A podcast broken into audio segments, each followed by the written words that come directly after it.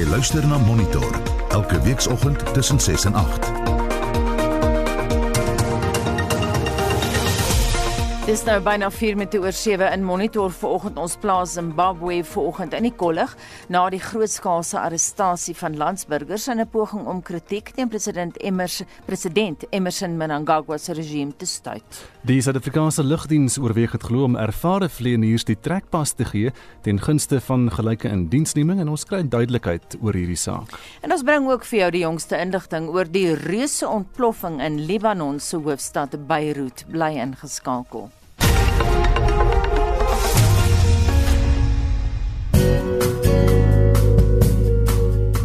Die weer vir vandag, die 5de Augustus, is uitgereik deur die Suid-Afrikaanse Weerdiens en daar is een waarskuwing: toestande bevorderlik vir die ontstaan van weggolfveldbrande word verwag in die oostelike dele van die Noord-Kaap, die westelike dele van die Vrystaat en die verre suidwestelike dele van die Noordwes-provinsie.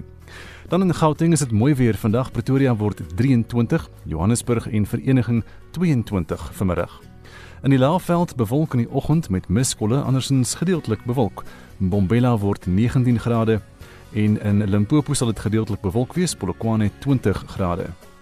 Die Noordwes-provinsie, die Vrystaat en die Noord-Kaap is mooi weer, Mahikeng 24, Vryburg 25 en Bloemfontein 23 vandag, Kimberley 26 en Appington word 24 grade.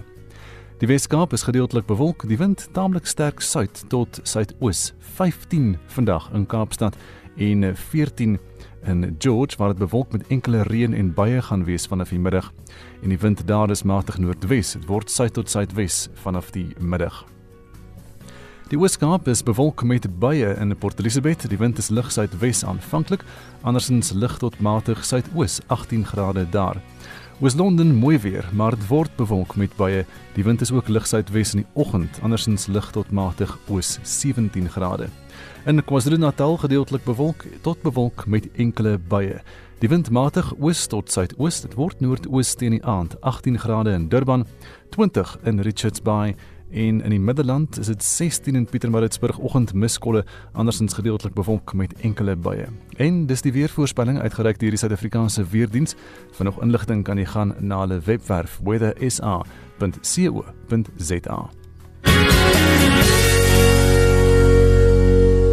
Die finansiële aanwysers op moneyweb.co.za alles in die groen hier op die JSE. Die indeks van alle aandele sluit 0,75% hoër, 56249 punte en is veral aangedryf deur die goudmyn indeks te 2,65% hoër, die hulpbron indeks is 1,31% hoër, die finansiële indeks 0,75% hoër en die nywerheidsindeks 0,27% hoër. Kommoditeitspryse vir oggend: goud is deur die 2000 2019 dollar en 28 sent per fyn ons, platinum op 956 dollar en 60 sent per fyn ons en eh, Brent olie 44 dollar en 39 sent per vat. Wisselkoerse nou nie so goed nog steeds nie. Die rand teen die Amerikaanse dollar R17 en 32 sent. Uh, teen die euro is dit R20 en 47 sent en 'n Britse pond kos ver oggend R22 en 68 sent. En dis die finansiële aanwysers op monitor.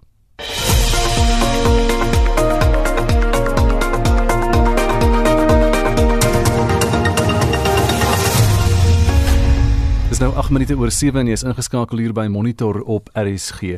Menseregte groepe in Zimbabwe kla oor die grootskaalse inhegtenisneming van landsburgers in 'n poging om kritiek teen president Emmerson Mnangagwa se regime te stuit. En dit te midde van 'n werkloosheidssyfer van 90% en 'n 700% inflasiekoers. Ons plaas Zimbabwe vanoggend in die kollig met die hulp van professor Willie Bruitenberg van die Universiteit Stellenbosch. Goeiemôre Willie. Môre Anita, hallo Kusha. Môre. En dan Liesel Lou wil dra van die Instituut vir Sekuriteitsstudies in Pretoria. Môre Liesel. Môre um, Anita, môre almal. Kom ons begin by jou Liesel. Sky News se Suider-Afrika korrespondent John Sparks sê Zimbabwe is terug na die weë van Robert Mugabe. Is dit 'n gepaste vergelyking? Ja, dit is so Anita. Ek meen nie dat ons sedert November 2017 toe Robert Mugabe ehm um, jy weet van sy pos uh, sy pos moes verlaat. Enigstens iets anders gesien het eintlik nie.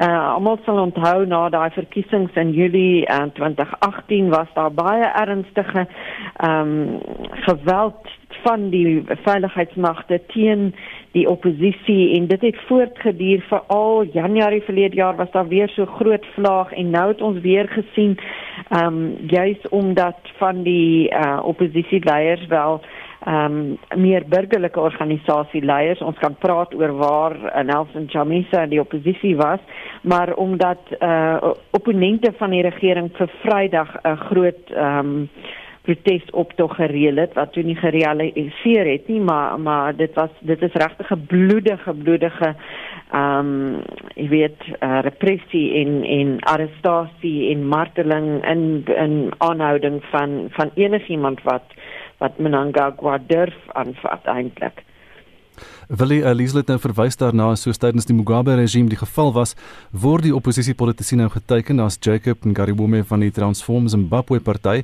Hy is in hegtenis geneem op aanklagte van opstokery en dan ook die woordvoerder van die amptelike oppositie, die MDC alliansie, Fatsayi Mahere, het daar arrestasie op Facebook aan die groot klok gehang. Gaan ons nou 'n lente van geweld binne in Zimbabwe?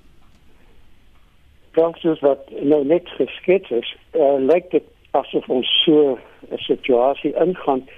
Uh maar nogtans is daar groot verskille tussen Mugabe en Mnangagwa, veral dat Mnangagwa regtig probeer het om na 2017-18 tog uit te reik na die boeregemeenskap en die ekonomie oop te maak. Hy het gesê Zimbabwe is open for business. Uh hy probeer om die skuld wat daar was teenoor die Wêreldbank en IMF e uh, af te betaal of uh, dit ten minste daaroor te onderhandel. En hy het vir die boere gesê hulle kan terugkom na hulle plase toe. Hulle gaan nie eiendomsreg terugkry nie maar wel hierpa. Dis hy het 'n klomp uh, dinge gesê wat reg klink. Maar as jy mense dit onder die vergrootglas sit dan lyk dit asof dit nog maar steeds baie stram gaan en die groot rede daarvoor is dat die ekonomie nog steeds soos in Mugabe se tyd ingeplof is naamlik die 700% inflasie. Die spesifieke syfer hierdie week is 786% inflasie en dan 90% werkloosheid en dit is net 'n nagmerrie. Lisa ook baie interessant is dat die Mnangagwa regime hoë profiel Zimbabweërs teiken. Ons het nou gesien Tsitsi Dangaremga wat vir vanjaar se Booker literêre prys genomineer is, is in hegtenis geneem weens kwansy se opstokery en die verbreeking van COVID-19 reëls. Hoekom sou Mnangagwa die aandag trek deur sulke hoë profiel arrestasies? Ja, Anita, ek dink dis nog 'n debat sit op 'n straathoek met 'n klomp ander vroue het hulle met plakate gestaan. Ehm um, jy weet dit kan dalk 'n verleentheid vir hulle wees omdat Tsitsi dit is waar. Sy is 'n ek sit hier met een van haar boeke, sy is 'n baie hoë profiel skrywer, maar ehm um, jy weet dit kan wees dat hulle nie doelbewus vir haar geteken het nie, maar goed. Ehm um, soos ek sê, hulle is uh, um, heeltemal ongenaakbaar en voor die voet word mense net gearresteer. Ook ehm um, Hopel Chinono die uh, baie bekende ondersoekende joernalis in Zimbabwe wat nou nog aan aanhouding is. Ehm um, uh, jy weet in in soos ek vroeër gesê die die MDC en die die leiers die tradisionele kan ek maar sê oppositie leiers ehm um, was nie daar by die protes nie en ehm um, dis interessant dat daar nou eintlik ander figure ehm um, in op die Zimbabwese politieke terrein verskyn wat ons nie voorheen op so 'n manier so ehm um, gesien het hulle self uh, manifesteer nie. Maar mense in Zimbabwe is ongelooflik ehm um, braaf kan 'n mens sê. Ek meen ek het vanoggend eh uh, uh, het mense op Twitter foto's uitgestuur van die neefie van een van hierdie ehm um, eh uh, media ehm um, basse eh uh, koerantredakteurs wat gearresteer is. Die polisie was by sy huis en hulle het nie hom nie gekry nie.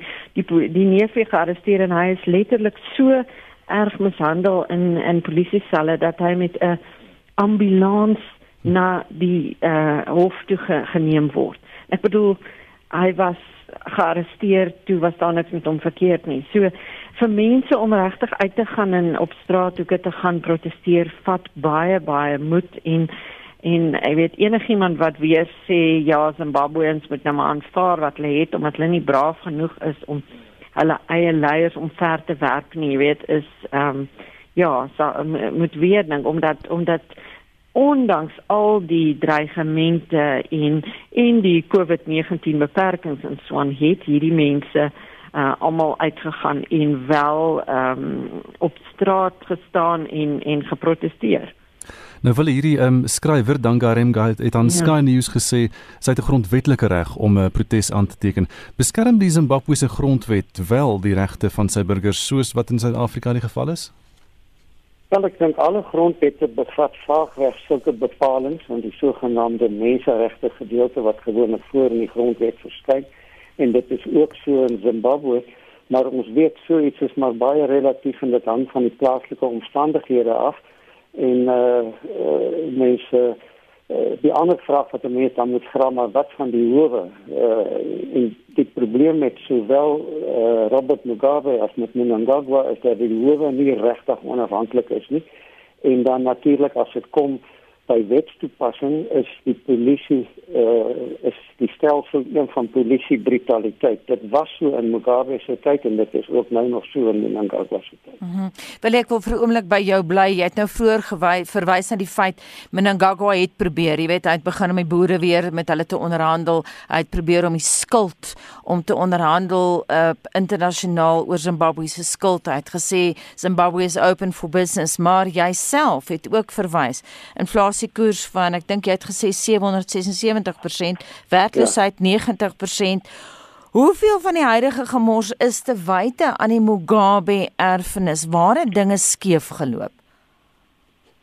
Ek dink dit het skeef geloop met Mugabe self want hy was 37 jaar aan bewind en daardie tyd was daar sewe verkiesings gehou en dit was net die eerste een wat dalk redelik vry en regverdig was met daar internasionale toesig was daarna was dit gesteelde verkiesings geweest. Mnangagwa het nou nog net een verkiesing gehad nadat hy by Robert Mugabe oorgeneem het en daar het hy met 'n skrale meerderheid van 50,8% gewen. In ander woorde hy hy het dit amper nie gemaak nie wat vir 'n mens sê dit was 'n redelike vrye en regverdige verkiesing uh veral wat die verkiesingskommissie betref, naamlik dat hulle hier dalk hulle optelsommetjies behoorlik gemaak het waar in die verlede met Robert Mugabe het die verkiesingskommissie nou maar net syfers lyk vir my uit die duim uitgetrek en vir Mugabe dan groot oorwinnings aangekondig. So ons sal nou nog maar moet sien wat gaan gebeur. Die volgende verkiesing is eers oor 3 jaar en dit sal interessant wees om te sien waar gaan die oppositie dan wees is. Dit nog dieselfde soort van oppositie en wie is dit en wat is dit? En uh, natuurlik moet ons ook sê dat Mugabe was die groot grondgryper geweest. Hy is die produk geweest van 'n katolieke sendingskoolstasie en toe 'n vryheidsvegter geword. Terwyl Mnangagwa daarteen 'n beroepssoldaat was sedert die begin toe Rhodesia Zimbabwe geword het in 1980 tot nou toe uiteindelik nooit 'n ander job gehad as om in die weermag te werk nie. En uh, dit is miskien die weermagkultuur by hom wat sterk deurslaan naamlik dat de, hy is nie vertroud met burgerlike vryhede en wat dit impliseer vir die mense op straat nie. So dit is maar 'n onsekere uh, onduidelike posisie vorentoe. Ons sal bietjie meer moet wag om te sien wat gaan gebeur veral nou met die COVID-19 wat vir alle regerings wat autokratiese neigings het, soos in die geval van Zimbabwe, die geleentheid of die rookskerm daarstel om uh, in die naam van die COVID-krisis nog meer toe te slaan op die bewegingsvryheid en die handelingsvryheid van hulle burgers. So dit kom nou op 'n baie slegte tyd dat dit met COVID saamhang, want dan kom uh, leiers as ware met uh, aanhalingstekens met moordplig. Liesel, wil jy reageer op wat skeef geloop het want Mnangagwa was nie net op die toneel nie, hy was maar altyd daar gewees aan aan Mugabe se sy. Wat kan hy doen of wat kon hy doen om die land beter te bestuur? Ja, ek dink so ek ek stem saam met uh, professor Willie dat einde 2017 en dan in die eerste paar maande sou ons sê van 2018 het hy ehm um, sekere verklaringe gemaak en beloftes gemaak wat mense hoop gegee het. Ek meen ons moet onthou dat gewone Zimbabweërs en hulle duisende in die strate uh, van Harare ehm um, fees gevier het toe hy aan bewind gekom het. Hmm. Ehm um, en dit was rondom die ekonomiese hervorming en daar was die hoop dat uh internasionale beleggers ook ehm um, geldskenkers uh, lande soos Brittanje en so aan sal uh, Zimbabwe help om weer van die grond af te kom. Maar toe kom die ou monster eintlik weer uit van uh repressie en ehm um, die brutaliteit van die uh polisie en die weermag en Mnangagwa die ou krokodils is hulle omnoem was maar altyd aan Mugabe se sy uh die vice-president nou wat ehm um, uh, uh Chiwenga is wat hoof van die weermag. Hy is nou ehm um, in die laaste ek dink laat gisteraand of iets aangestel as minister van gesondheid. Nou ek meen ja dit is nogal 'n groot sprong en 'n mens wonder wat dit beteken vir ehm um, Zimbabwe se uh, uh uh se stryd teen COVID-19 maar maar so daai hele regering van Mnangagwa is eintlik vol militêre mense omdat ehm um, dit is hulle wat hom aan bewind gebring het. So hy skuld hulle dan nou ehm um, magtige posisies. Ehm um, so jy weet wat kon hy anders gedoen het? Ehm um, baie dinge. Ehm um, I mean Zimbabwe het regtig gehoop op meer politieke vryheid of uh demokrasie, openheid en daar was definitief in daai stadium 'n groot uh um ek sou sê uh, verbintenis van die internasionale gemeenskap om Zimbabwe te help as menseregte gerespekteer word. Zimbabwe het nog steeds baie potensiaal in terme van ekonomiese groei en om die land wou weer op sy been te bring. Men die die aankondiging verlede week um van 3.5 miljard dollar wat nou uh, as kompensasie aan boere gegee word. Ek meen mense hmm. wonder of dit nie net 'n verklaring is nie en waar gaan Zimbabwe daai geld kry? Hmm. Uh, ek weet so baie beloftes is gemaak, maar dit, uh, dit is maar daai ou kultuur dan van van drukking van enige oppositie. ZANU-PF self as 'n party, ehm um, is net is net eenvoudig in sy DNA of van vroeg af um, om enigstens enige ehm um, dis uh, ek sê nou dissent ehm um, jy weet hmm. kritiek en so en en, en enigiemand wat wat van selfs van binne af veral van binne af kritiseer word net eenvoudig uitgeskop. En soos wat Liesel tereg sê in hierdie vraag aan jou Willie, daar is baie brawe Zimbabweërs het ons vertel van uh, vanoggend se Twitter foto's, maar oor die jare het ek baie onderhoude gevoer met die brawe Zimbabwe Lawyers for Human Rights. Ons sien die wonderlike werk wat Amnesty Internasionaal in Zimbabwe doen. Hulle hang vergrype aan die groot klok en so aan. As mens dink aan Beatrice Mtetwa wat ons hier in die ateljee by ons gehad het mm. oor die jare, absoluut onverskrokke. Wat kan daai mense doen, Willie? Om te keer dat hierdie vergrype verder gaan? Wat kan hulle nog doen? Ek is nie seker wat hulle nog kan doen nie want binne die perke van die reg doen hulle wat hulle kan doen. Die ander ding natuurlik wat hulle doen is om te emigreer. Uh, hulle middelklas wat in Suid-Afrika, hulle werk in ons restaurante. Hulle is in Zimbabwe het altyd 'n goeie skoolstelsel gehad en uh, dit hulle voer hulle uh, geletterde middelklas uit. Hulle sit in Suid-Afrika en Botswana en in, en in Engeland. En uh, as hulle nie begin mobiliseer om terug te keer of om te herbelê in hulle eie lande nie is uh, daardie menslike kapitaal waaroor hulle beskik het of uh, in verlede beskik het gaan dit hulle nooit die voordeel daarvan kan trek nie. En dit is die groot probleem. Uh ook vir werkloosheid. Uh, dit is die ding wat hulle uitvoer is hulle middelklas wat ek nou net gesê het. En die kernvraag die die hele tyd hier met die uh ding van uh, uh die uh, uh hoë inflasie het te maak met die beheer oor die reservebank. Die die oomblik as die regerende party beheer vestig oor die reservebank vir 'n land dan word dit gekaap en dan word geld ingepomp geld word gedruk nuttelose papierveld beland in die ekonomie en uh, dit is net geen bate hoegenaamd in ander woorde hervorming sou ook wees dat die regerende party se hande van die reservebank moet afhou en dan natuurlik dat die howe begin werk en dat uh, daar spasie geskep word vir die burgerlike samelewing in die kerke. Die kerke in Zimbabwe is nogal sterk. Mugabe self is 'n produk van sy kerke en dit verbaas my nogal dat die Christelike kerke so lae profiel handhaaf te midde van al hierdie uh, onderdrukking van burgerlike vryhede. Liesel, wat kan ons doen? Daar's baie oproepe dat uh, president Cyril Ramaphosa en sy regering moet ophou stil bly, en veral omdat hulle nou die voorsitter is van die Afrika Unie, né? Ja, interessant genoeg David Kolta, dan nou groot uh, oppositieleier um, van baie jare het juis ook um, vir die eerste keer van wat ek kan onthou baie direk en amper op desperaat vir uh, president Ramaphosa gevra om om in te tree. Ehm um, die probleem is SADC en dat ehm um, die SADC lande maar almal nog steeds weier om vir Zimbabwe te kritiseer. Maar ehm um, interessant genoeg die nuwe president van Malawi, Lazarus Chakwera, het ehm um, al sy nek uitgesteek en gesê hy dink SADC moet nou hervorm hierdie ou ehm um, klub van leiers wat mekaar net beskerm omdat hulle ou, jy weet, almal lede van die voormalige bevrydingsbewegings en so is moet hervorm word.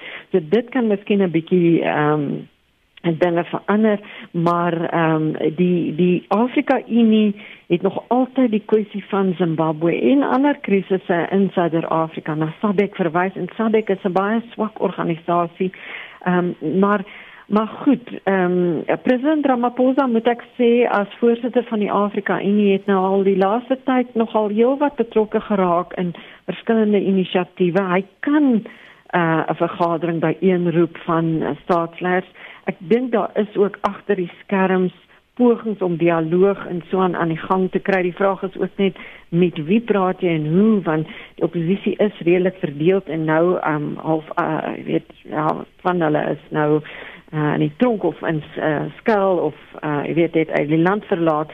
So as jy Suid-Afrika is ehm um, Suid-Afrika sê altyd ons kan nie megafoon uh diplomatie uh be, jy weet uh, beoefen nie. Ons ons is besig. As mens as mens nou direk daai vraag vra ehm um, dit sou nogal uh uitsonderlik wees as president Ramaphosa nou sê goed ek as AU voorsitter gaan SADC heeltemal ehm um, uh, hoe kan ek sê uh, um, nie en ag neem nie en en en self nou 'n inisiatief lood maar dit is heeltemal binne sy mandaat as uh, AU voorsitter om wel om wel so iets te doen. Sadik het nou juis um, op die 17 Augustus 'n uh, groot beraad wat nou virtueel gehou gaan word. Ehm um, dit sou in Mosambik gewees het en ons kan ons ons hmm. weet ons weet ons kan seker hoop dat daar die kwessie van uh, Zimbabwe op die agenda sal wees, maar maar daar's daar's geen sekerheid daar rondom nie. Mm -hmm. Laastens wil hy meer as 100 Afrika skrywers het 'n petisie nou hierdie week onderteken om te vra dat Zimbabwe uit die AU geskort moet word. Wat is die kanse dat dit sal gebeur? Nou, is dit kort en kragtig jou antwoord? Ja. No. Diesel? Ja. Ek sê maar net wat sê so.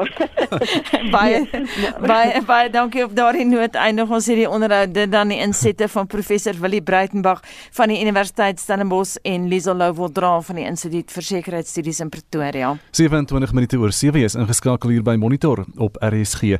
En volgens berigte het die Suid-Afrikaanse Lugdiens sakeredders onder meer voorgestel dat senior senioriteit en ervaring by die sogenaamde nuwe SAL minder moet tel as gelyke indiensneming. En dit beteken in effek dat ervare vleieniers uitgeskuif kan word om 'n plek te maak vir 'n billike verteenwoordiging.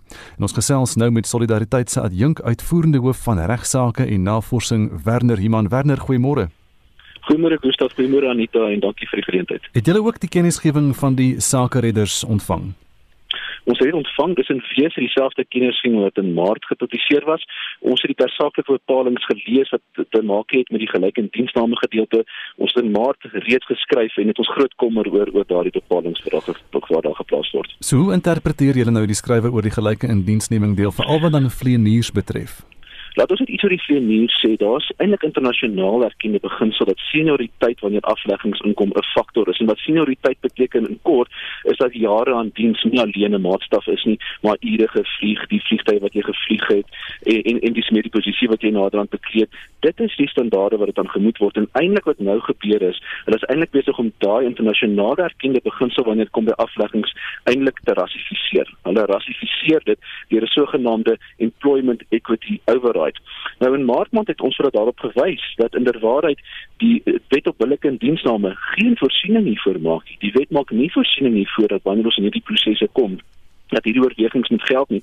En verder as die wet, was daar sterk raas drie hofsaake wat baie sterk hier uitgekom het en die president sterk sterk geskep het om te sê dat regstellende aksie was en is nog nooit 'n regverdige grond vir afweggings nie en dit kom in hierdie konteks ook oor en dit is iets wat ons in die proses wat gaan volg baie sterk gaan dryf vir solidariteit. Soos genoem het ons reeds geskrywe gedoen en in die proses van van wat gaan volg, gaan ons dit reeds verder voer. En daar was 'n uh, ooreenkoms gewees tussen die vleieniers en en en die regering Korrek.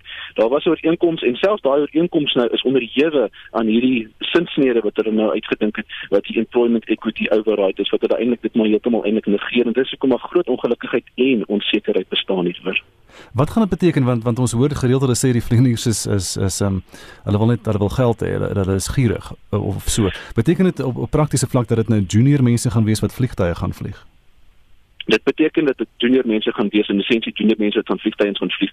Een van een van die uh, gesag wat in die arbeidshof gevestig is, het selfs ook so ver gegaan om te sê dat waar wanneer jy swart werknemers behou en dit, en dit beteken dat daar eintlik wit werknemers is wat beter is vir die besigheid met daai wit werknemers eintlik gehou word en dit is eintlik wat hulle besig is om te negeer wat 'n baie onsekere toekoms vir SAL gee. Dit is so ironies eintlik Gustaf dat um, ons begin met 'n nuwe SAL die woorde is dat ons winsgewend wil wees, dat ons kompeterend wil wees in die mark en eintlik is hierdie die geboorte van die nuwe SAL wat ironies op 'n rassenoot moet afskop. En as hierdie proses dan nou gebeur, gaan dit skade aan die lugdiens se reputasie veroorsaak nog voor hy van die grond af kom? Dit sal die hele lugdiens begin op 'n op 'n rassebasis opstyg en dit is baie ongelukkig. Hierdie proses begin op 11 Augustus. Daar's 'n fasiliteerder by die KVBA aangestel. Dit is daar waar solidariteit en ander vakbonde sal deelneem in daai sogenaamde konsultasieproses wat hulle gaan volg om om met hierdie uh, uh, bepalinge te handel en daarso sal ons ook baie sterk dryf om te sê dat hierdie is die nood waarop ons aangaan. Ons dink die betaling vir Israel gaan reeds skade gee. Verder is daar ook nog steeds onduidelikheid oor wat die kostes gaan aanbetref. Ons het steeds nog steeds nie duidelikheid daaroor nie. Het die besigheidstydingsproses moet eintlik afgehandel gewees het, maar ons weet nog geensins dat die saak reeds so aan die maatskappy gerapport maatskappye kantoor gerapporteer het dat dit klaar is nie. Meneer Tito Mboweni is eintlik baie vaag in sy posisie hoe hy beskryf waar befondsing vandaan kom. Regering het dit gesê dis toegewy om fondsing te bekry. Dit is nog steeds onseker. So ons gesels al vir meer as 8 maande oor hierdie en ons is nog steeds nie seker oor die befondsing nie, maar wat wel seker is is dat hulle daar 'n rol gaan speel in hierdie nuwe SAL en dit is baie ongelukkig. Wanneer hoe voel julle oor die salarisse en die pakkette van hierdie senior vlieëniers. Verdien hulle te veel geld as mens kyk internasionaal? Nee, daar's geen manier dat hulle te veel geld verdien nie. Dis die mense wat ons vliegtuie vlieg. Dit is mense wat hoogs opgelei is, wat vaardighede het wat mee hulle lank vir moes studeer, ervaring wat hulle moes opbou en in hoogs omstandighede wat baie druk, wat baie druk vir hulle gee. Dit beteken nie dat vlieëniers die enigste rolspeler is vir 'n suksesvolle leerder nie. Daar's 'n hele span, daar's daar's meer as 100 mense wat eintlik werk om 'n suksesvolle vlug te kry, om die vliegtuig reg te kry, maar geensins word hulle te veel betaal nie. Hulle moet eintlik gekoester word daai vaardighede. Dis hulle uiteindelik wat die lewens van mense in die hande hou en dit moet waardeer word word en dis hoekom hierdie proses vir ons agsaam dit heeltemal is eintlik 'n klap in die gesig van die van die vleeniers waarvoor ons eintlik almal net te dankbaar moet wees. Wanneer begin die konsultasie nou? Die konsultasie is geskeduleer vir 11 Augustus. Dit gaan by die KVBA se kantore plaasvind en dit is daar waar daar baie sterk en verskille uit uitgesonder sal word en en uit uitgedebatteer sal word en ons moet daai proses baie noukeurig dophou. So dit is binnekort vir dit begin. Werner baie dankie Werner Riemann is Solidariteit se adjunk uitvoerende hoof van regsaake en navorsing. Jy luister na Monitor elke weekoggend tussen 6 en 8. 733 en in die nuus die tesourier die alkoholbedryf uitstel gegee vir die betaling van aksiesbelasting ter waarde van 5,1 miljard rand. En die tabakmaatskappy British American Tobacco betwis vandag die regering se verbod op die verkoop van tabakprodukte in die Hooggeregshof in Kaapstad. Studente in Monitor vanoggend studente kan nou aansoek doen vir befondsing van die Nasionale Studente Hulpfonds skema NSFAS. En Spanje se voormalige koning Juan Carlos bevind hom in die Dominikaanse Republiek nadat hy vroeër aangekondig het dat hy uit die land gaan pad gee. Bly ingeskakel.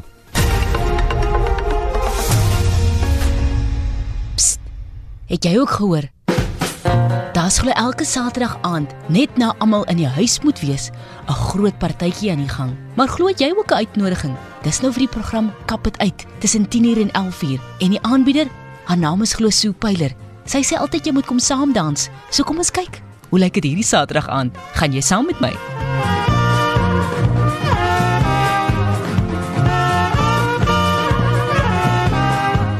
Daar is geen verkeer. In hierdie stadium in Pretoria sê Faku Makhatu Reilan Weswaartse botsing by Baviaanspoort en daar is 'n taamlike uh, vertraging in die verkeer daar aan die gang. Was Natal 'n voertuig gestaan op die N3 ooswaarts net voor die Ashburton wisselaar die linkerbaan is versper. 'n Botsing in Johannesburg op die N12 weswaarts net voor Komaru straat die linkerbaan is daar versper. Wees maar versigtig in daardie omgewing. Op die N4 Daar is die pad nou weer oopgemaak, lyk dit my op die N4 weswaarts tussen Garankuwa en die M17. Daar was vroeër 'n ongeluk gewees daar. In Johannesburg 'n kettingbotsing op die N3 suidwaarts by die Geldenhuys wisselaar, die linkerbaan is daar versper.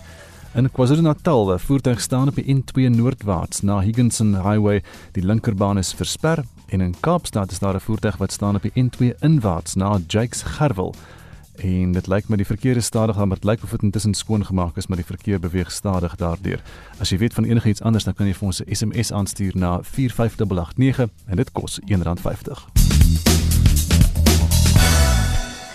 Inwoners van Swane, Limpopo en Mpumalanga kan nou spesifieke koeldrankbottels terugneem winkel toe en 'n R9 deposito ontvang op die volgende bottel wat gekoop word. Die betrokke plastiekbottels met groen doppies en die woord returnable onder die koeldrank se naam kan tot 20 keer herwin word. Marlenae Forsie het meer. Die hoof van innovering en tegnologie by Safripol, Gert Klasen, verwelkom die besluit. As 'n mens kyk hier in die 80s vroeë 90s het ons almal ons 1 liter Coke bottel wat in 'n glas was teruggevat na die kafee toe op die hoek en eintlik geld gekry. As jy kyk na plastiek wat ingekom het of die PET bottel vir die koolsuurgas koeldranke, het dit natuurlik heeltemal verander. Daar is al vir 'n geruime tyd vernaam in die Wes-Kaap dat dit nog steeds in produksie is en dat bottels gehersirkuleer word. Die nuwe een is eintlik net die volgende stap. Daar word dus nou waarde geheg aan die bottel waar dit voorheen nie as waardevol beskou is nie. Klasen sê dit kan stelselmatig bydra tot 'n verandering in verbruikers se gewoontes. Die plastiek waaruit hierdie bottels bestaan, is onder meer perfek vir die berging van gaskoeldrank.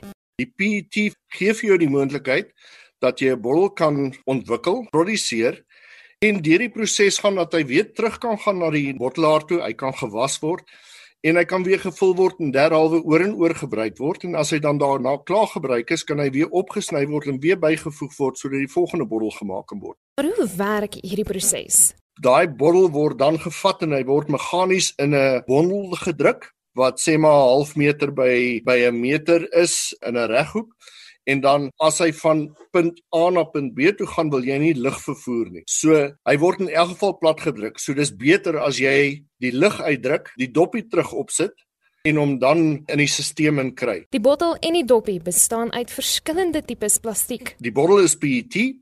Die dopie is hoë digtheid polietyleen want hy het sekere eienskappe wat hy moet aanvoldoen. In die proses nadat hy gebondel is, word alles opgekap en dit word skoon gewas. Omdat die hoë digtheid polietyleen en die PET verskillende digthede is, word dit dan geskei net deur water. So dan word die HDPE gedeelte word herwin en die PET word vir herwinner en dan gaan hulle in hulle eie applikasies in. Die jongste statistiek toon intussen dat 62% van die plastiekbottels wat in 2019 vervaardig is, herwin is. En die grootste gros hiervan kom uit die informele sektor. En as jy dit vergelyk met Amerika wat hier in die 30% is en as jy Europa wat ook om hier in die 58 60% is, doen ons eintlik baie goed. Daai piekers waarvan ons praat, hulle is eintlik die hart. Hulle is regtig die hart van die hele waardeketting om daai produkte te herwin en weer hergebruik te word. Dit was die hoof van innovering en tegnologie by Safripol, Gert Klasen. Hy glo nie die deposito proses gaan 'n merkwaardige duik maak op die groep se inkomste nie. Ek's Marlene Forsie vir SAK nuus. Estie Gerda van Heerden skryf vir ons: "’n Groen dink is niks nuut nie. Ek het daarmee groot geword. Kradeniersware was in papiersakke verpak, meel was in materiaalsakkies verkoop en my ouma en ma het die drukwerk op die sakkie uitgewas en dit mooi omgesoom en vaddoeke daarvan gemaak. Ons kon as kinders leë koeldrankbottels by supermarkte ingee en het dan 'n bedrag per bottel ontvang en melk is vroeër jare in glasbottels by jou huis afgelewer en die bottels die volgende oggend vervang met vars bottels melk. Ons het op skool koeldrankbottel doppies gebruik vir tellers en papier herwin en Suid-Afrika was baie skoner as nou uh, wat dit kamste groen dink en herwinning ontdek het. Joanita Jansen van Rensburg skryf ons: Ek gee graag plastiekbottels, karton en glasbottels aan iemand op die pad wat herwinning doen. Hulle werk immers en daai trollies is so swaar om te stoot. En Madeleine van Wyk laat weet vir ons: Ek woon in 'n kompleks waar ons vriendelik verplig word om te herwin, sit elke week 3 verskillende stakke volgens herwinningsriglyne uit. Aanvanklik was dit ingewikkeld en moeite geweest, maar dit is nou baie maklik. Ons wil vandag by jou weet, herwin jy of nie en indien nie, hoekom nie en wat sal dit vir jou makliker maak om te herwin? Stuur vir ons 'n SMS na 45889, onthou dit kos R1.50 of gesels saam op ons Facebookblad by facebook.com vorentoe skynstreep ZARSG. Dis nou 20 minute voor 8:00 is ingeskakel hier by Monitor en studente kan nou aansoek doen vir befondsing van die nasionale studente hulpfonds skema NSFAS. Die stelsel het maandag in werking getree en vir meer hieroor praat ons nou met die skema se administrateur Dr. Randall Carolus en Dr. Randall Moore. Goeiemôre. Hoe moet voornemende studente aansoek doen vir die 2021 akademiese jaar? Wel die uh, aansoek het oopgemaak die 3de Augustus en dit sluit die 30ste November. En studente moet intussen al hulle dokumentasie en de en uh, vorms dan in orde kry om in te dien. Van 'n sowag 'n groot aanvraag nou na post-covid soos mense ekonomiese verstand uh, omstandighede versleg het. Ehm um, ons natuurlik uh, doen ons uh, validasie met die departement van uh, uh, binnelandse sake en uh, sosiale uh, ontwikkeling maar tog Frans dat studente met betyds aansoek doen aan die aanvraag aan by groot visieer. Jy het nou verwys na COVID-19. Hoe raak hierdie COVID-19 pandemie nou die aansoekprosedure en julle hele fonds? Ja, ons moet natuurlik besef, kyk ons ons is op op koers met ons tyd ehm uh, met ons uh, uh, milestones. So uh, mense moet aansoek doen, maar wat, wat baie belangrik is is dat studente slegs befonds raak sodra ons registrasie uh uh kry van die Universiteit of die TFT College of so hulle moet vir beide aansoek doen. En natuurlik weet ons hierdie jaar gaan verleng word, die akademiese jaar, so dinge gaan 'n bietjie uh, uh moeiliker gaan as normaal, maar van NSFA se kant af is ons op tyd in koers. Dink julle julle het genoeg geld in die fonds vir al die aansoeke wat gaan inkom? Wel, kyk so ons befonds al reeds 42% van alle studente uh by universiteit en 70% van TFET uh, colleges, maar ons sal op 'n manier binne hierdie uh, uh binne hierdie uh, envelopes as hulle sê bly So ons is besig met met vooruitskatting om te kyk hoe ons kan befonds, maar hmm. tot dusver befonds is hierdie jaar 700 000 studente wat baie 'n aansienlike bedrag is. Ja. En hoe verloop die proses in hierdie stadium om historiese skuld te delg? Wel, die historiese skuld het sy oorsprong voor 2018, student wat die stelsel was voor 2018. Ons het 1.7 miljard rand aan een kant gesit vir dit en uh, ons sien die universiteit dien nou aan met hulle aansoeke in ons prosesseer dit soos ons die aansoeke kry. Uh maar studente wat voor 2018 net wat historiese skuld het, word toegelaat om te registreer. Daar's geen benadeling aan hulle kant nie. So die huidige studente het gesê van sewe dat wat jy op die oomblik op die boeke het, jy hou hulle aanbetaal in hierdie stadium. Ja, kyk ons befonds vir die vir die uh vir die volle graad hmm. en ons befonds op 'n N+1 basis uh, wat beteken dat as jy 3 jaar graad doen dan dan befonds jy vir 4 jaar of 4 jaar natuurlik op grondstof vir 5 jaar en en die dit een keer aansoek. So die aansoek op die periode is vir die nuwe studente. Want hmm. ons kry dan as jy 'n student is wat daar reeds op kampus is, kry ons hulle state van die, die instituut af. As jy natuurlik nou buite daai tyd gaan, dan dan ontfonds ons vir natuurlik, maar dit dit wat altyd gebeur nie presidente werklik gebruik maak van hierdie kans. Ja. Baie dankie vir die gesels vanoggend Dr. Randall Carolus en die administrateur van die Nasionale Studente Hulpfonds skema NSFAS. Die wêreld se aandag is vanoggend op Beirut waar 'n reuse ontploffing in 'n pakhuis plaasgevind het en die lewens eh, van eh, 'n paar mense, hele paar mense geëis het, maar 400 mense is beseer. Jean, jy het nou gaan kyk na die nuusagentskappe vanoggend, die heel nuutste nuus uit Beirut, wat word gesê? Ja, die regering sê minstens minstens 78 mense is dood. Die ontploffing het in die stad se hawegebied by 'n vuurwerkpakhuis plaasgevind. Video's van die ontploffing toon bolle rook bokant 'n gebou weens die eerste ontploffing. Nou 'n joernalis en ooggetuie Mohammed Najim sê twee ontploffings het hy gehoor. I live on the 11th floor and the glass flash. I heard like two big explosions. I felt the building is going down. I was trying to hide. I am bleeding a little bit from my feet. I'm okay though. Die die ooggetuie was weer in 'n winkelsentrum toe die ontploffing gebeur het. Everyone dropped to the ground and I remember opening my eyes and looking at the ground and just seeing a dust and bunch of rubble just floating in the mall that we were in. And then all of a sudden glass breaking and then the alarm of like a war alarm going off and the mall had a you know glass in the storefronts all of it broke and there was blood on the floor uh, probably from the shattered glass that hit them. Volgens die regering is daar 2750 ton ammoniumnitraat vir 6 jaar lank onveilig in die pakhuis gestoor en daar word nou ondersoek ingestel na die oorsaak van die ontploffing.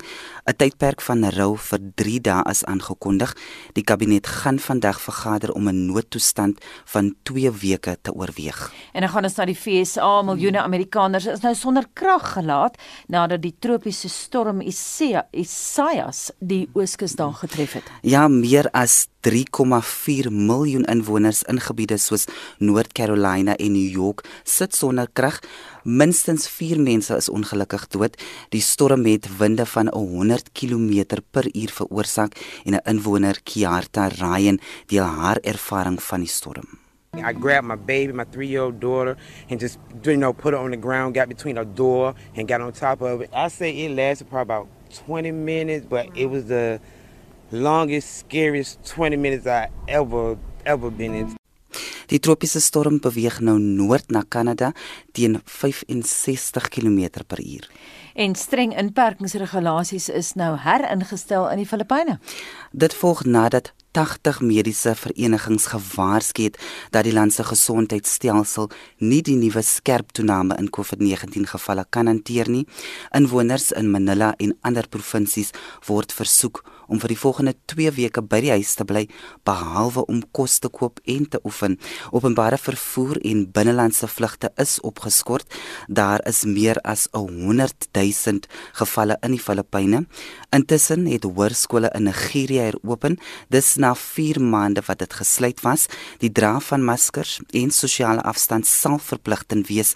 In Suid-Sudan is 78 gesondheidswerkers positief getoets vir die virus en die gesondheidsdepartement sê een gesondheidswerker is oorlede. En dit was Jean Esterhuizen met die oorsig van vanoggend se wêreldnuus gebeure. Dis nou 13 minute voor 8 in Spanje. Se voormalige koning Juan Carlos bevind hom in die Dominikaanse Republiek nadat hy vroeër aangekondig het dat hy uit sy land pad gee te midde van 'n skandaal en 'n ondersoek na omkopery met 'n sneltreinkontrak. Die paleis het gister in 'n verklaring gesê dat die 82-jarige koning eerder sy land sal verlaat sodat sy seun Philippe nie onder 'n wolk hoef te regeer nie. Juan Carlos het nie altyd onder 'n wolk geleef nie. Trouwens in Februarie 1981 het die koning sy stal gewys en Spanje gered van 'n beoogde staatsgreep. Anita het gaan navorsing doen en sy het die agtergrond. Ja, absoluut Gustaf, dit vat ons terug na 23 Februarie 1981 toe daar 'n golpe de estado, 'n staatsgreep was en dit staan nou nog bekend as die Tejerazo staatsgreep. Dit was luitenant-kolonel Antonio Tejera het die poging gelei en verskeie ministers en parlementslede is gijslaar gehou in die Cortes. Dit is nou die Spaanse parlement en toe het Juan Carlos op televisie gegaan, hy het sy stem dik gemaak vir demokrasie en hy het so legitimiteit aan die monargie verleen en daai is nie my woorde nie. Dit is hoe die Times dit destyds beskryf het. Hy was so gewild op daardie stadium, ons praat nou Februarie 81, dat selfs die sosiale, die sosialiste in Spanje het gesê dat Juan Carlos behoort eintlik met die Nobelprys vir vrede vereer te word want hy het Spanje se demokrasie uh, gered en die New York Times het destyds na hom verwys as the chief pillar of democracy. So dinge was nie altyd soos wat dit nou lyk nie. Hm. Maar hoe het Juan Carlos die troon in die eerste plek uh, bestyg? Dis 'n interessante vraag, Gustaf. Op 22 November 1975 het generaal Franco die diktator hom aangewys as sy opvolger. Nou dit was nie noodwendig te wagte nie. Hy is wel die kleinseun van Alfonso die 13de wat in 1931 sy kroon verloor het, maar daar was Gustaf ander aanspraakmakers op die uh, troon en die mhm. kroon. Mm -hmm. Dit was Carlos Hugo de Bourbon, Parma, dit is nou die man wat getroud was met prinses Irene van Nederland, sy is Beatrix se suster. Hm. En dan was daar ook Juan Carlos se neef, Alfonso de Bourbon el Duque de Cadiz, jo. die hertog van Cadiz. Hulle was ook aanspraakmakers ja. en ehm um, Franco moes kies wie hy gaan aanstel en eintlik het Juan Carlos en sy vrou Sofia wat 'n Griekse prinses was, 'n baie groot rol gespeel om eintlik vir Franco oor te haal want almal het gedink dat uh, Franco vir Carlos Hugo de Bourbon Parma gaan kies as uh, kroon weet as mm, as die mm. nuwe koning ja. en toe uh, val sy keuse op Juan Carlos. Nou sedert 1981 tot nou het daar natuurlik baie water in die Spaanse See geloop, né? Absoluut ja, daar was verskeie skandale gewees. Helaas Juan Carlos het leiding gewys en uh, ek het gister het ons in wêreldnuus verwys na sy nalatenskap en ek is mm. eintlik 'n bietjie hartseer daaroor want hy was op 'n stadium 'n uitstekende koning, 'n baie goeie leier en toe kom al die skandale. Mm. Ongelukkig Gustaf het Juan Carlos 'n oog vir 'n mooi vrou. en uh, hy het 'n paar skelmpies oor die jare gehad, maar uh, wat die Spanjaarde regtig te Josie ingemaak het. Hy was in 2012 was hy in Botswana en daar was 'n groot ekonomiese krisis in Spanje en toe het hy gegaan op 'n 10000 euro jagtog hm. nogal met een van sy skelms en daar breek hy toe sy heup en toe word die hele storie aan die groot klok gehang. Hy word teruggevlieg na Madrid toe vir 'n operasie en dit was 'n groot skande nie net oor die skelm nie want nou ja, die ja. Spanjaarde is Latyners, hulle het baie keer 'n ander gevoel oor hierdie goed, maar wat baie mense baie kwaad, kwaad gemaak het was dat op daai tyd was Juan Carlos president van die WWF in Spanje. Mm. En uh dit het mense half laat dink dat sy oordeel hom in die steek gelaat het, maar dit was nie net en dit moet gesê word Juan Carlos se skandes nie. Hy het twee dogters en dan Philip die seun. Nou in Spanje word die dogters van die koning word nie prinsesse genoem nie, hulle word infantas genoem. Nou, Infanta. Nou daar's Infanta Helena, Infanta Cristina. Nou Infanta Cristina het getrou met 'n man en Jackie Urdangarin. Hy was 'n handbalspeler nogal vir die Olimpiese spele uit van Barcelona afgekom, baie gewilde huwelik gewees. Hulle is toe nou sedertdien geskei, maar hy is in uh, of liewer sy nie geskei nie, haar suster is, hmm. maar hy is helaas in Februarie 2017 tronk toe gestuur vir bedrog. Hy het 6 miljoen euros verduister. Hmm. So na al hierdie gebeure en nou Christina se man ook, toe het mense begin sê, maar daar hang 'n groot wolk oor die Spaanse koningshuis en soos ons almal weet, het Juan Carlos toe in 2014 geabdikeer, maar ek moet weer sê, uh, dit klink nou of ek ek hom half goed praat. Dit hmm. was nie net sy skandes nie, die een persoon wat toe totaal uh, skoonheid alles uitkom en korrupsieloos is koning Sofia. En dit is nou juist dit is Juan Carlos se vrou Sofia en sy het goeie bande met Suid-Afrika, né? Absoluut ja. Uh koning Sofia was 'n Spaanse prinses. Sy was uh, een van drie kinders van uh, koning Paul van Griekeland en Frederika van Hannover. Nou hmm. Frederika was vreeslik ongewild geweest, maar tydens die Tweede Wêreldoorlog het Paul in Europa gebly en Frederika het haar kinders hierheen gevat. Nou haar kinders is Konstantino, dis ja. nou die uh, Griekse gewese Griekse koning en dan Irene en uh, Sofie. Trouens Irene is gebore op Irene, sy is gebore in Pretoria oh, ja. op op die plaas by Jan Smuts hmm. Frederika, hmm. hulle toe by by Jan Smuts en ouma Isie Smuts gaan woon. Hmm. En Sofie het altyd 'n groot liefde wel Irene ook natuurlik behou vir Suid-Afrika en daar was baie gerugte destyds gewees dat uh, daar 'n soort van 'n verhouding was tussen Jan Smuts en koning Frederika oh, ja. van Griekeland. Ja. Sy was baie mooi, baie aantreklik. Sy was toe so 627 en Jan Smuts was toe in sy vroeë 70er jare. Mm. Nou daar's baie mense wat selfs beweer, maar dis nou Pony Koran stories dat uh, dat uh, Jan Smits die pa van Irene was prinses hmm. Irene. Sy het 'n baie lae profiel. Sy woon ook in Europa nou. Maar uh, natuurlik dit kan glad nie bewys word nie. Hmm. Daar's ook die Franse wat sê dit was uh, amitié amoureuse wat so half beteken twee mense is verlief op mekaar maar hulle spring nie in die bed nie. Hulle het so half ja, verliefdheid, ja, ja. so geestelike. Hulle het 'n verbintenis ja. met mekaar en dit is altyd gesê oor uh, Frederika en Jan Smits en um, koning Sofia het al die jare nog haar belangstelling in Suid-Afrika behou. Mm. Sy is natuurlik nie meer koning nie, sy is die gewese koning, maar vir my nou mm. as iemand wat koninklike goed dophou, ek is gelukkig op Twitter. Ek volg al die blaaie. ek wil nou sien wat Sofia gaan doen want dit is duidelik dat sy gaan agterbly in Spanje teen sy sy eintlik na haar na haar uh, geboorteland van Griekeland toe gaan terugkeer. Ons sal moet sien. Ek ja. is baie verbaas oor waar die koning hom nou bevind. Moet ek ja. ja, en ek is baie teleurgesteld. Baie moeilik om 'n oordeel te vel oor sy nalatenskap, Gustaf. Ja, geweldig interessant. Daar is geen verkeer. In hierdie stadium in Kaapstad, daar's 'n botsing op die Frans Konradi Rylaan en 'n Tierbergweg maar daar is geen obstruksie in die verkeer nie. Daar is druk verkeer op die R300 noordwaarts by die N1 uh, oprit, so verwag vertragings na in daai omgewing by die R300. In Johannesburg gebotsing op die N12 weswaarts net voor Komaru straat, vier bane is versper in daardie omgewing. En dan is daar 'n voertuig wat staan op die N3 suidwaarts net voor Geluries, een baan versper en daar is 'n probleem op die N3 op pad na Johannesburg toe van Renenspas, 'n vragmotor betrokke daar in 'n ongeluk. As jy weet van enigiets anders of dit is dan ons verkeer gewees vanoggend hier op monitor. Is die kortliks asseblief laaste SMS terugvoer? Sonet daarvoor skryf ons het vier groot herwinningsasblikke by ons agterdeur plastiek blikke glas en karton neem alles self na die depo toe maar ons munisipaliteit vra maandeliks R85 vir vullisverwydering daar is geen toegewing op ons maandelikse rekening as jy herwin nie, so daar's dus geen aanmoediging vir Jan publiek wat wel hulle deel doen nie. En dan skryf Ann Kilian, ons het bottels bymekaar gemaak, maar niemand stel belang om dit te herwin nie, veral 5 liter waterbottels in Douglas omdat die kraanwater baie gevaarlik is om te drink daaroor. Dankie Anita. Jean, hoe lyk die dagboek vir Spectrum later vanmiddag? Wel British American Tobacco Suid-Afrika betwis vandag die regering se verbod op die verkoop van tabakprodukte dis nou in die Hooggeregshof in Kaapstad.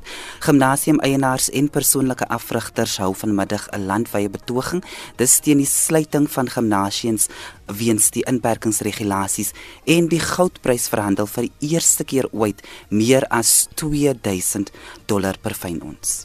En daarmee groet ons namens ons waarnemende uitvoerende regisseur Hendrik Martin. Die man in die warm stoel vanoggend was Justin Kennerly, ons produksieregisseur Lewona Bekes. My naam is Anita Visser. Bly geskakel op RSG vir praat saam volgende met Lenet Fransis Puren. Ek is Gustaf Vreiding en mooi bly tot môreoggend om 6uur.